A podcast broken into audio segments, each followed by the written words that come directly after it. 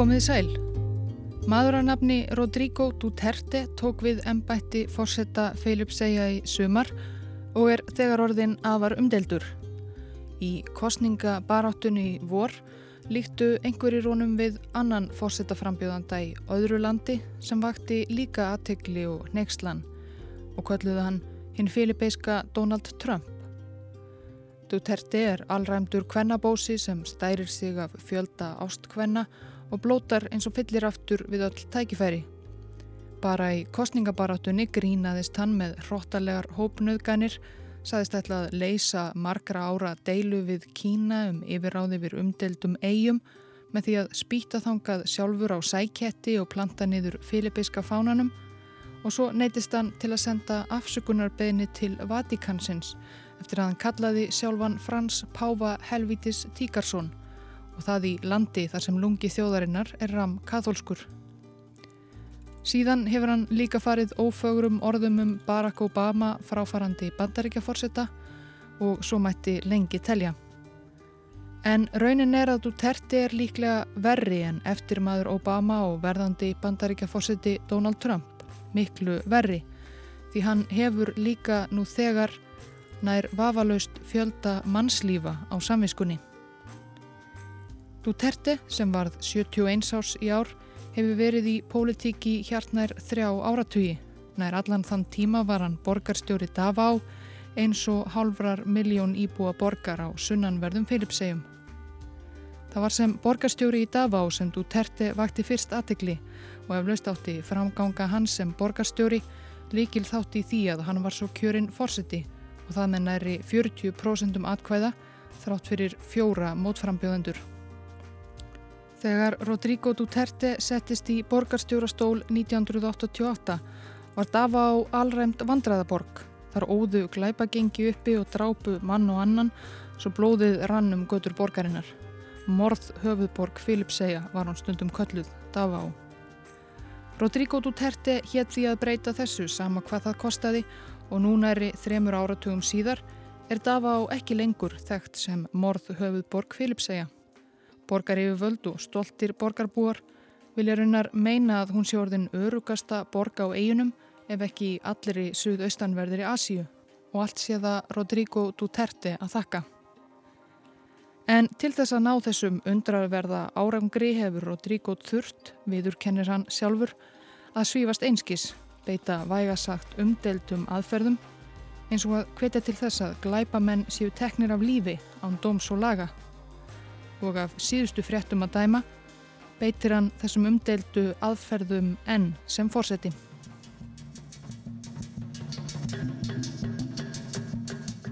Þær eru um 7640 eigarnar sem mynda Filipsegjar. Samtals að flatarmáli er landið um þrísvarsinnum stærra en Ísland en íbúafjöldin all miklu herri. Filipsegjar eru sjöunda fjölmennasta ríki Asíu og það tólta í heimi. Á þessum nokkur þúsund eigum búa meira en hundrað miljónir og þeim fyrir ört fjölgandi.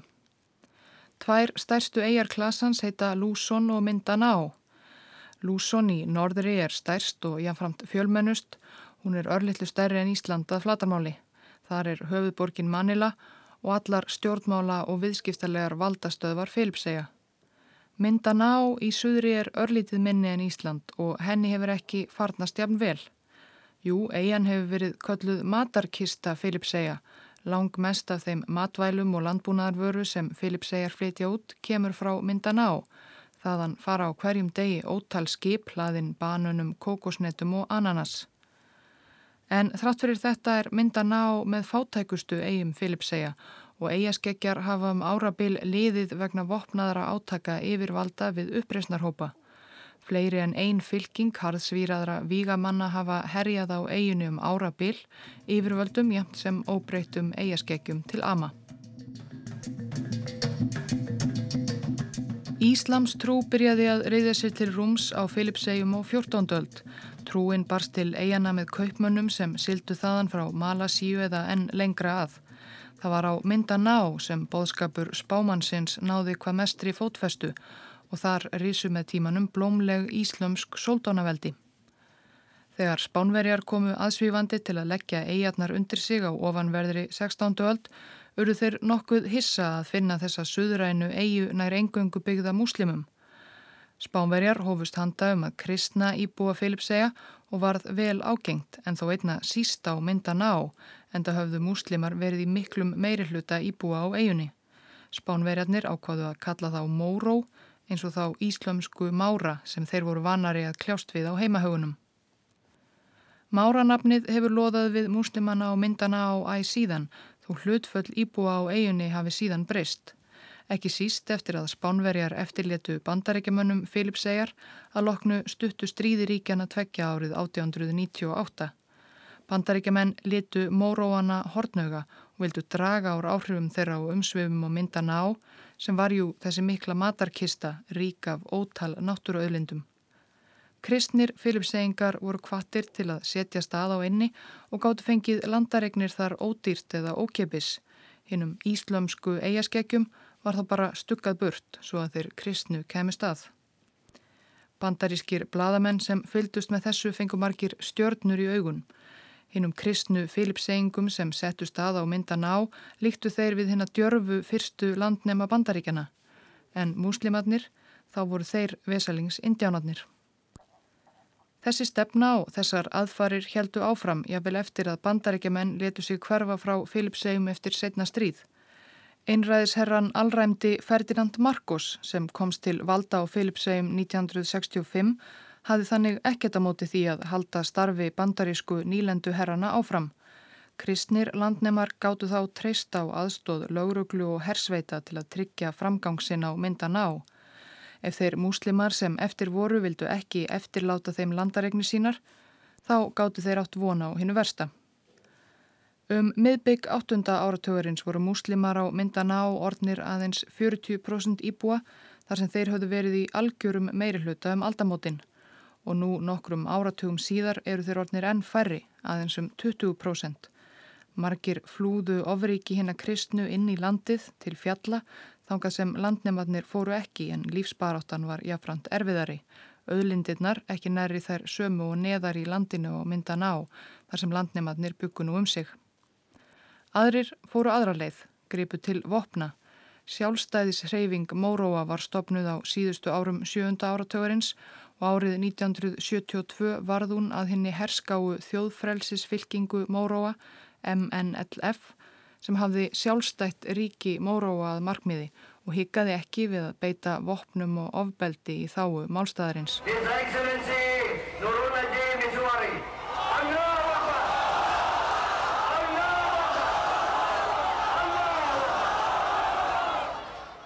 Stríð filibeiskra stjórnvalda við herskáar fylkingar muslima hefur staðið síðan með nokkrum hljöfum. Af og til er samið um frið sem yfirleitt helst ekki mjög lengi. Þjóðfrelsis fylkingin hefur ekki haft þig svo mikið í frammi síðustu árin en aðrir hópar komið í staðin, bara verri ef eitthvað er, eins og hinn miskunnarlausi hriðjverkahópur Abu Sayyaf sem svarið hefur Íslamska ríkinu hotlustu veið. Átökin eru talin hafa kostað að minnstakosti 120.000 manns lífið og 100.000 til viðbútar hafa röklast á flóta frá heimilum sínum á myndana á í gegnum árin vegna bardaga og blóðbaðs. Og um sveipaðleiti og þjóðfrelsisfylking Móróa varð til byrjaði önnur herská fylking jafnframt að láta að sér kveða. Kommunistar sem kendu sig við nýja þjóðarherin spruttu upp undir lok sjönda áratugurins með það markmiði að steipa filipeiskum stjórnvöldum. Þeir hafa alltaf haft sig mest í frammi á myndan á þar sem þeir gáttu auðveldlega fundið sér nýja liðs og stuðningsmenn úr röðum hinna fátæku og landlausu á eigunni sem á örugt skjól til að aðtapna sig í afskektu og skói vöksnu fjallendinu á sunnanverðri eigunni. Meða við allt þetta er kannski ekki að undra að ástandið á myndana á hafi verið ótryggt síðustu áratugina og ofbeldið flætt yfir á götur borgarna á enni.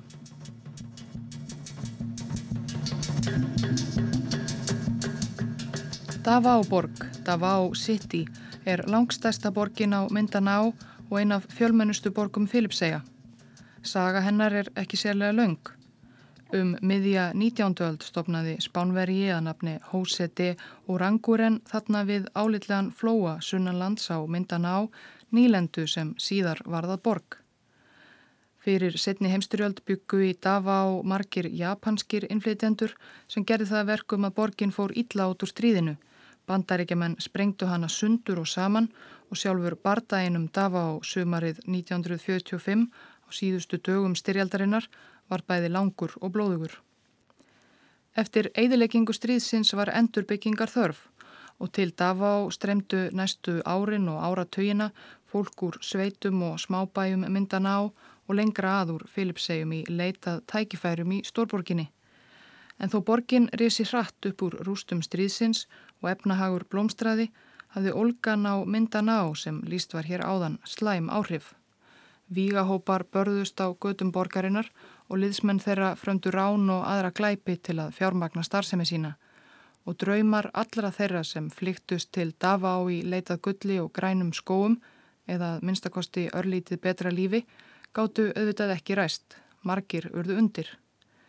Þegar fá önnur tækifæri blöstu við sá mörg atvinnulegs fátæk ungmenni sér þann kost vænstan að ganga til þess við glæpagengi, fara át í fíknefna businessin sem lengi hefur verið arðbær á myndan á eins og annar staðar á Filipsegjum. Glæpagengin börðust svo um yfiráð á markaðnum og þar svifust menn auðvitað heldur einskis. Það var þannig sem Davá varð smátt og smátt hættulegasta borg landsins.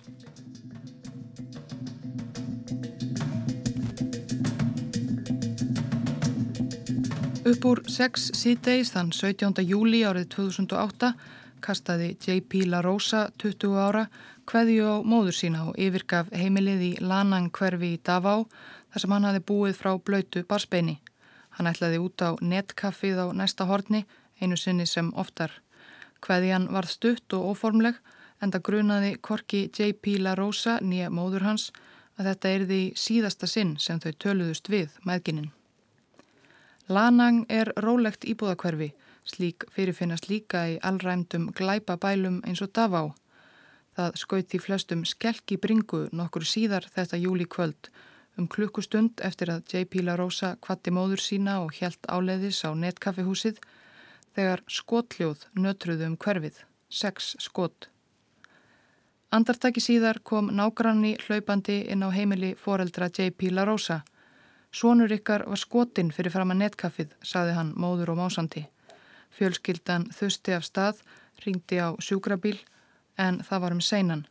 J.P. La Rosa lá í blóði sínu fyrir utan netkaffihúsið sundur skotinn. Hann lést í sjúkrabílnum á leið á spítala. Sjónarvottar sögðuð síðar að þeir hefðu séð þrjá menn koma aðsvífandi á móturhjólum að kaffehúsinu. Þeir voru allir sem einn dökklættir. Einhver þeirra dró upp skambissu og skaut J.P. La Rosa þar sem hann stóð grandalus fyrir utan kaffehúsið, sex skotum sem nötruðum um hverfið.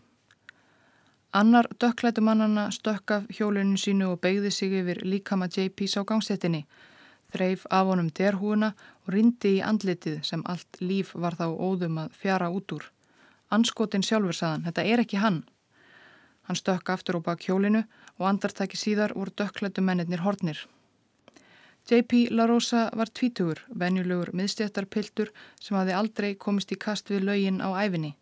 En hann hafi verið rángur maður á raungum tíma.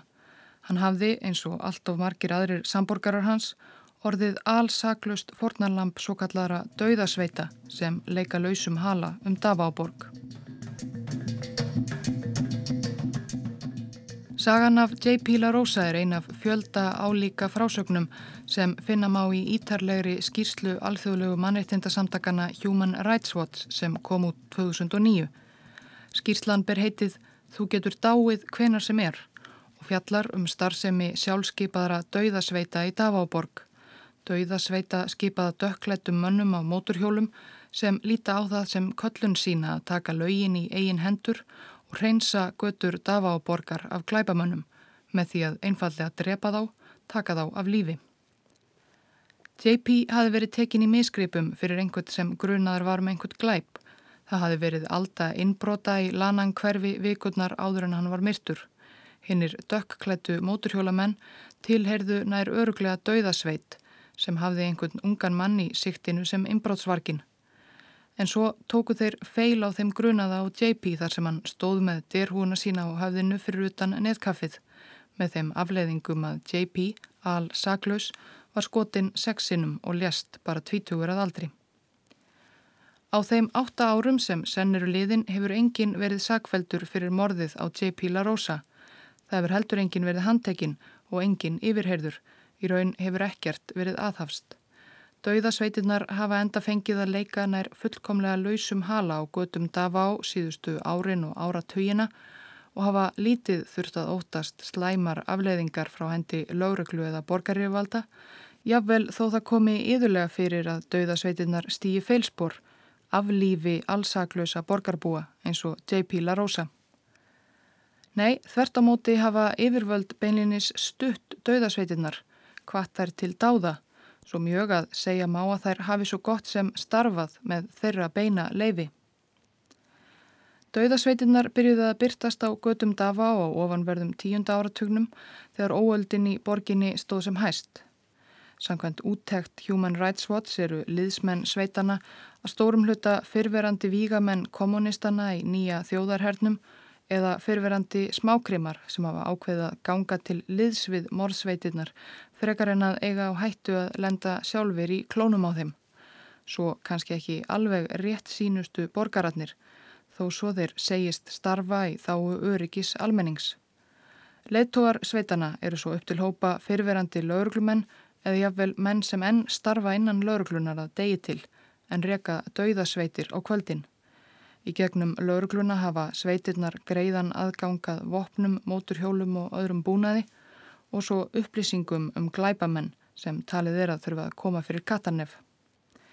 Tengslinn við laurugluna tryggja líka þegar dauðasveitirnar láta til skara skrýða er laurugla sein á vettvang aftökunar ef hún kemur yfir höfuð og það líka þegar það er saklaus maður sem fyrir mistök verður fyrir barðinu og dökklætu móturhjólamorningunum. Og tengst dauðasveitana við yfirvöld í Davá ná að öllum líkindum enn herra upp en bara til einhverja yfirmanna í lauruglunni. Því borgarstjórin í Davá til margra ára hefur svo gott sem viðurkjent það ofinberlega að hann stiðji starfsveitana og jafnvel gefið þeim fyrirmæli. It has to stop. Corruption must stop. Drugs must be stopped. Gagamitin ko ang police pati military to go after drugs. Umheimurinn kynntist Rodrigo Duterte fyrst í grein í bandaríska vikuritinu Time þann 19. júli 2002. Greinin bar fyrirsögnina Refsarin eða The Punisher, kannski vísun í Marvel ofurhetjuna sem svífst einmitt einskis í baráttu sinni við glæpamenn á gödum New York. Þetta nafn Refsarin hefur allavega loðað við Duterte síðan á samt fleiri viðurnefnum. Duterte hafði þegar greinin byrtist verið borgarstjóri í Davá í 14 ár með hljöfum. Auk þess að rekja feril hans fylgir bladamæður tæmunum eftir í eina kvöldstund. Rodrigo Duterte, borgarstjóri í Davá, situr á sínum eftirlætis bar, After Dark. Fyrir framann hann er glas af brandi, skambissa girt ofan í buksnastrengin. Hann er í gallabugsum og stuttermaskirtu með æpandi minstri sem sínir vinnflöskur og rauða og græna vinnberjaklasa. Þetta eru sömufödd og hann var í í vinnunni. Maður færða fljótt á tilfinninguna við lestur greinarinnar í tæm að Rodrigo Duterte sé ekki inn hefðbundni jakkafattaklætti borgarstjóri og ekki bara því hann sé hrifin af litríkum stuttermaskirtum. Duterte segir bladamanni skorinort frá því við hvað sé að etja í Davá herskáir múslimar, kommunistar, hardsvíruð glæpagengi. Svo verður hann öllu loðnari þegar hann lýsir því hvað hann hafi gert til að takast á við þessi margvíslegu og erfiðu vandamál. Hann gerir það sem þurfi til, kenni mísindismönunum leksíu. Hvort hann beiti alltaf al löglegum aðferðum til þess, já, um það vil borgarstjórin skrautlegi minna tjá sig. Glæpamenn hafa ekki engaleifi á ílskunni, segir hann að lokum. Eftir þessi orðaskipti yfirgefa borgarstjórin og bladamæðurinn barinn after dark, borgarstjórin enn með skambisuna í buksnastrengnum og eflaust búin að fá sér nokkur glös af brandi, en lætur það þó ekki aftur að sér frá sinni eftirlætis yðjú. Fylkingin egur niður San Pedro stræti með Duterte fremstan á einum af sínu ástkjæru móturhjólum. Á eftir honum fylgja tvö hjól til viðbótar og pick-up með lífvörðum sem veifa M16 riflum. Af og til kveikir hann á sírenunni að hluta til til að riðja göturnar en líka til að gefa til kynna að nú sé borgarstjórin á kreiki. Einhverjir stara, aðrir veifa, nokkrir láta sig snögglega hverfa inn í skuggana. Duterte segir að hann fari í eftirlitsferðir, tvísvar í viku, yfirleitt sent á kvöldin. Hann stoppar á lauruglustöðunum til að aðtuga hverjir sé í gæsluvarhaldsklefunum og hvers vegna og til að ganga úr skugga um að lauruglumennir sé að vinna vinnunni sína. Stefna hans er að hlaða löggurnar matvöru til að reyna að koma í vekk fyrir að þeir fristist til að fara fram á mútur. En það þýðir ekki að hann sé alltaf í góðgerðarskapi. Ef að lauruglumadur gerist uppvísum ölfun á vaktinni, þá, játar Duterte, gengur hann persónlega í skrokka honum. Ölvaðir lauruglumenn ættu kannski að vara sig. Því að það er eitthvað sem Rodrigo Duterte hefur sjaldan aftrað sér frá, þá er það að beita ofbeldi. Það segir hann að minnstkosti sjálfur yðurlega þegar hann rekur æsku sín á feril.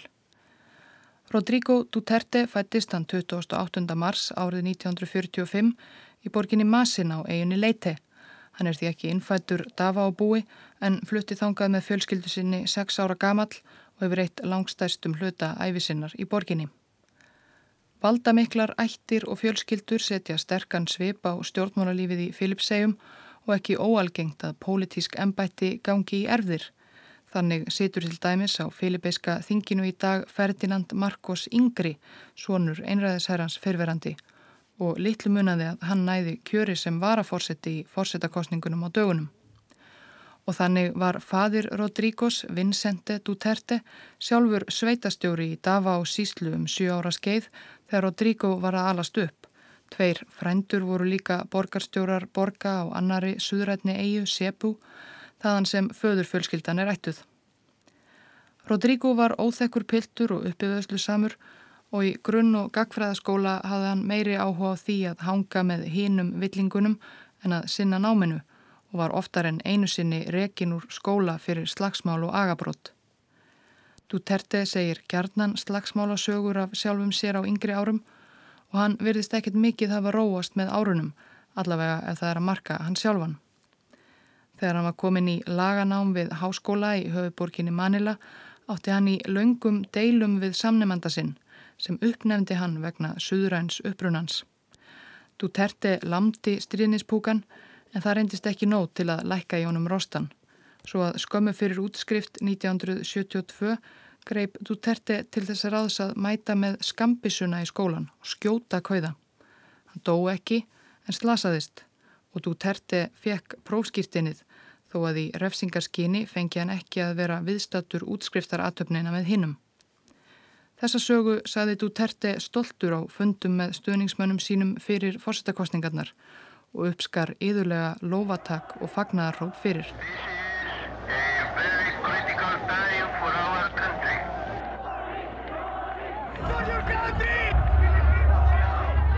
Í februar 1986 reys filipeiskur almenningur upp gegn stjórn Marcos Fossetta.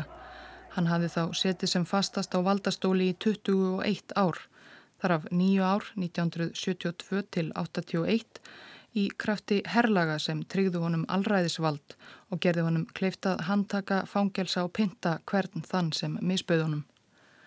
Marcos steifti líka filipeiskum ríkisjóði í gríðarlegar skuldir aðalega til að byggja yfirgengileg minnismerki um sjálfan sig og fjármagna fáránlegan luxuslífstíl sinn og eiginkonunar ímeldu sem átti eins og frættir mörg þúsund pör af skóm sem nú eru til sínis á Filipíska þjóðminnesafninu. Þegar Marcos hafði hröklast frá og komið sér fyrir í þægilegri útlegð á Hawaii, flyktust margir nýliðar inn á Filipíska stjórnmálasviðið. Þar á meðal var Rodrigo Duterte, Hann hafði unnið sem saksóknari í Davá frá útskrift úr laganáminu en stjórnmálinn kölluðu á hann eins og þau höfðu kallað á fleiri ættingi hans og árið 1988 var hann kjörinn borgarstjóri Davá. Borgarstjóra ennbættinu hefur hann gengt næri því óslitið síðan í 28 ár. Ekki alveg óslitið því samkvæmt reglum borgarinnar má borgarstjóri ekki sitja lengur en í þrjú kjörtímabil í röð alls nýju ár. Svo að 1998 settist Duterte á Þing í þrjú ár og kom sér svo aftur í borgarstjórastólinn 2001. Svo liðu önnur þrjú kjörtímabil að þeim loknum 2010 brá Duterte á það ráða láta sér næja bara varaborgarstjórastólinn í nokkur ár. En það var þá tröst manneskja komin í embætti borgarstjórans, hans eigin dóttir Sara Duterte. Svo að þremur árum liðnum skiptu þau feðkininum stóla og Duterte varð enn einu sinni borgarstjóri í Davá. Það er ekki hægt að neyta því að á sinni löngu valdatíð sem borgarstjóri hefur Rodrigo Duterte notið fátæma vinselda meðal borgarbúa. Það er ekki heldur hægt að neyta því að hann hefur gert ímislegt gaglegt á þessum hjartnær 30 árum sem hann hefur verið við völd. Hann hefur elft lauruglu borgarinnar og heilbriðiskerfi, sett upp eftirlitsmyndavilar, bannað reykingar við svegarum borgina og svo bætti hann meira segja til muna réttindi hinsegin fólks í borginni, nokkuð sem var rótægt skrefi jafn íhaldsömu og kathólsku ríki eins og Filipsegjum og óneitanlega hefur dreyið úr glæpa öldunni sem helt dafa á búum í heljar greipum á nýjunda og tíunda áratöginum. Borgarífvöldi dafa á stæra sig nú af því að borgin sé einn örugasta borg Filipsega ef ekki bara í allri álfunni. Reyndar er það nokkuð loðið á nákvæmlega hverju þær fullirðingar eru byggðar. Skoðanakönnun sem Duterte sjálfur vísar oft í reyndist vera af einhverju vefsíðu frekar óáræðanlegri. Það er kannski ekki alveg svo gott. Það eru vissulega enn glæpir og glæpamenn í Davá og samkvæmt tölum Filipsísku alríkislauruglunar er tíðni glæpa og morða í borginni enn með því herra sem gerist í Filipískum borgum. En hvernig náði Duterte borgarstjóri þá þessum árangri sem hann stærir sig af? Það er þar sem dauðasveitirnar koma til skjálana. Hvort að Duterte beinlinis átti frumkvæði að dauðasveitunum er óvist en eitt er víst og það er að honum þykir mikið til verka þeirra koma og hefur aldrei hikað við að hvetja þær til dáða. Aldrei hefur kvarlað að honum að taka marka á gaggrínisröttum mannriðtindasamtaka sem hafa bent á að dauðasveitinnar starfi þvert á allt sem geti kallast lög og reglur og taki þar að auki yðurlega alsaklust fólk af lífi án þess að þurfa að þóla fyrir það nokkra refsingu eða aðrar afleiðingar. Nei, Þvert á móti vil Duterte frekar reykja sér af dauðasveitunum og undraverðum árangri þeirra í baráttunni við glæpi. Veitnum í hans eigin orð. Ef þú fremur glæp, ef þú ert glæpamaður eða hluti í gengi sem nýðist á saklausum íbúum borgarna minnar, þá, svo lengi sem ég er borgarstjóri, getur átti yfir höfðir að vera tekin af lífi. Duterte hefur líka notað tækifærið. Þegar hann mætti viðtöli í útvarpi eða sjónvarpi sem borgarstjóri þá hafði hann með sér lista eftirlýstra glæpamanna og las upp nöfn þeirra eitt af öðru í beitni útsendingu. Og yðurlega fundust þeir eftirlýstu ekki löngu síðar, látnir, teknir af lífi af dauðasveitunum. Og einhverju sinni tilkynnti hann það sömulegis ofinberlega að hann byði fjögura miljón pesoa verlun, það er um tíu miljónir íslenskar króna, fyrir að drepa leðtoga allræmts bílaþjófa gengis. Ekki handsaman heldur beinleinis að drepan. Og svo væru miljón pesoar til viðbótar í bóði bætti borgarstjórun við, fengi hann á sitt borð afskorið höfuð gangstersins svo hann geti verið fullvissum að hann væri dauður helvítið. En hafa það í íspoka höfuðið svo það kemi nú ekki íldulikt. Það verður að fylgja sögunni það var að lokum alþjóðalögurglan Interpol sem hafði upp á þessum forherta bílaþjófi og korki morðingi á móturhjólinni áfjáður aðdáandi Dutertes. Þjófafóringin fekk því að halda bæði lífinu og hafðinu.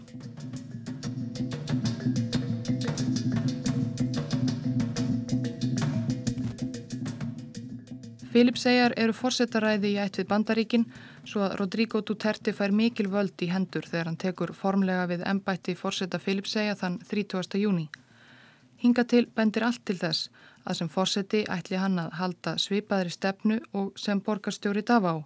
Það verði sannlega engin miskun fyrir þá sem dirfast að fremja glæpi. Duterte þykir endar ekki hafa sett stefnumál sín sérlega skýrt fram í kostningabarátunni og reytt sig fremur á slagorð og stórar yfirlýsingar nema þegar kemur að baráttunum við glæpi þá talar hann tæpitungu löst.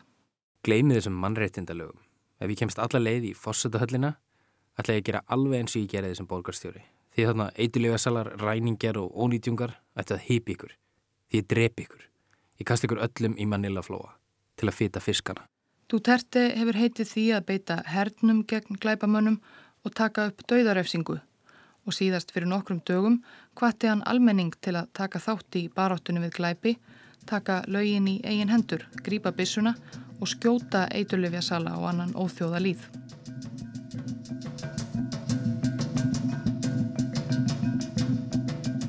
Í skýrslu Human Rights Watch um dauðasveitirnar í Davá má finna fjölmörg dæmi eins og söguna að finnum tvítuga J.P. La Rosa sem var skotinn til bana fyrir utan netkaffihúsið í Lanang.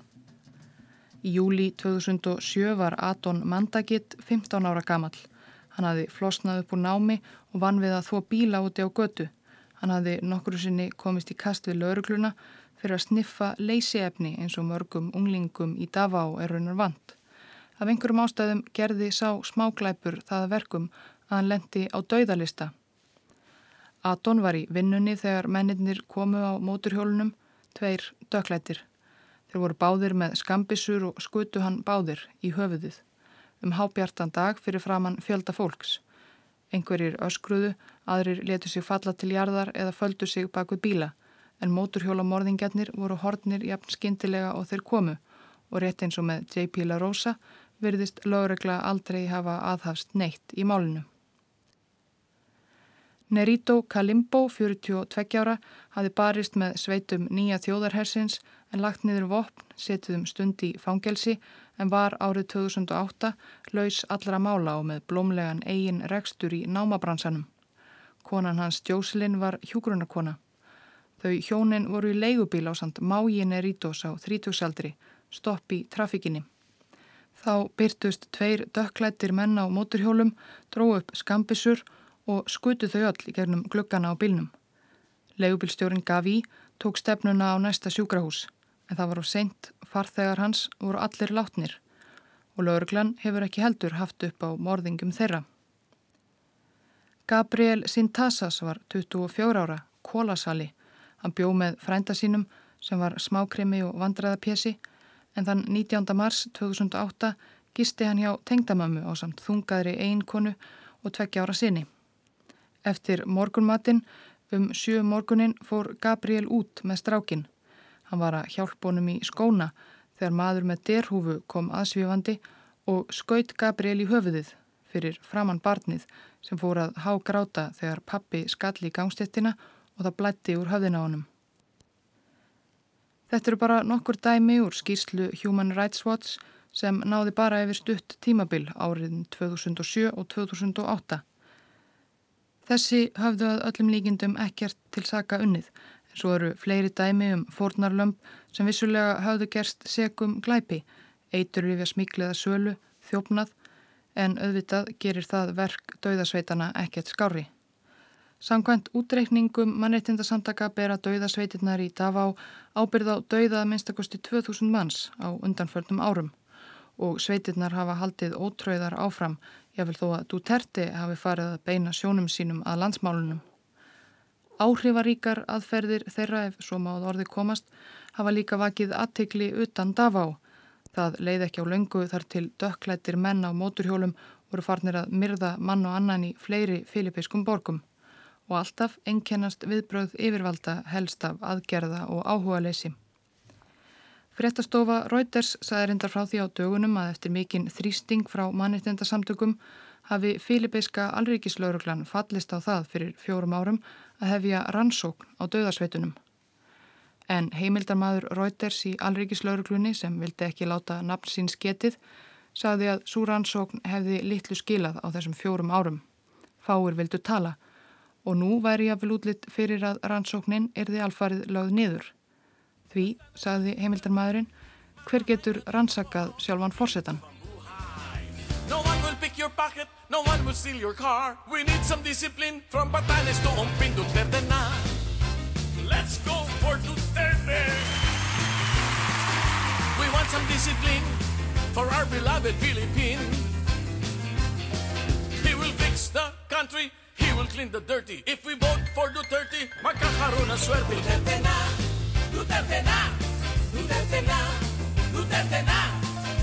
We need a man of action without any corruption. He did it in Davao, he will do it in Cubao. You can eat your siopaw, walang magnanakaw. Duterte na! Duterte na! Duterte na! Duterte na! We want some discipline for the whole Philippines. Upakan mo na, upakan mo na, upakan mo na, Rodi Disiplina, disiplina, disiplina. Na Linisin na, linisin na, linisin na, Rodi Upakan mo na, upakan mo na, upakan mo na, Rodi We really need Duterte. So he can clean the dirty A man of action without corruption.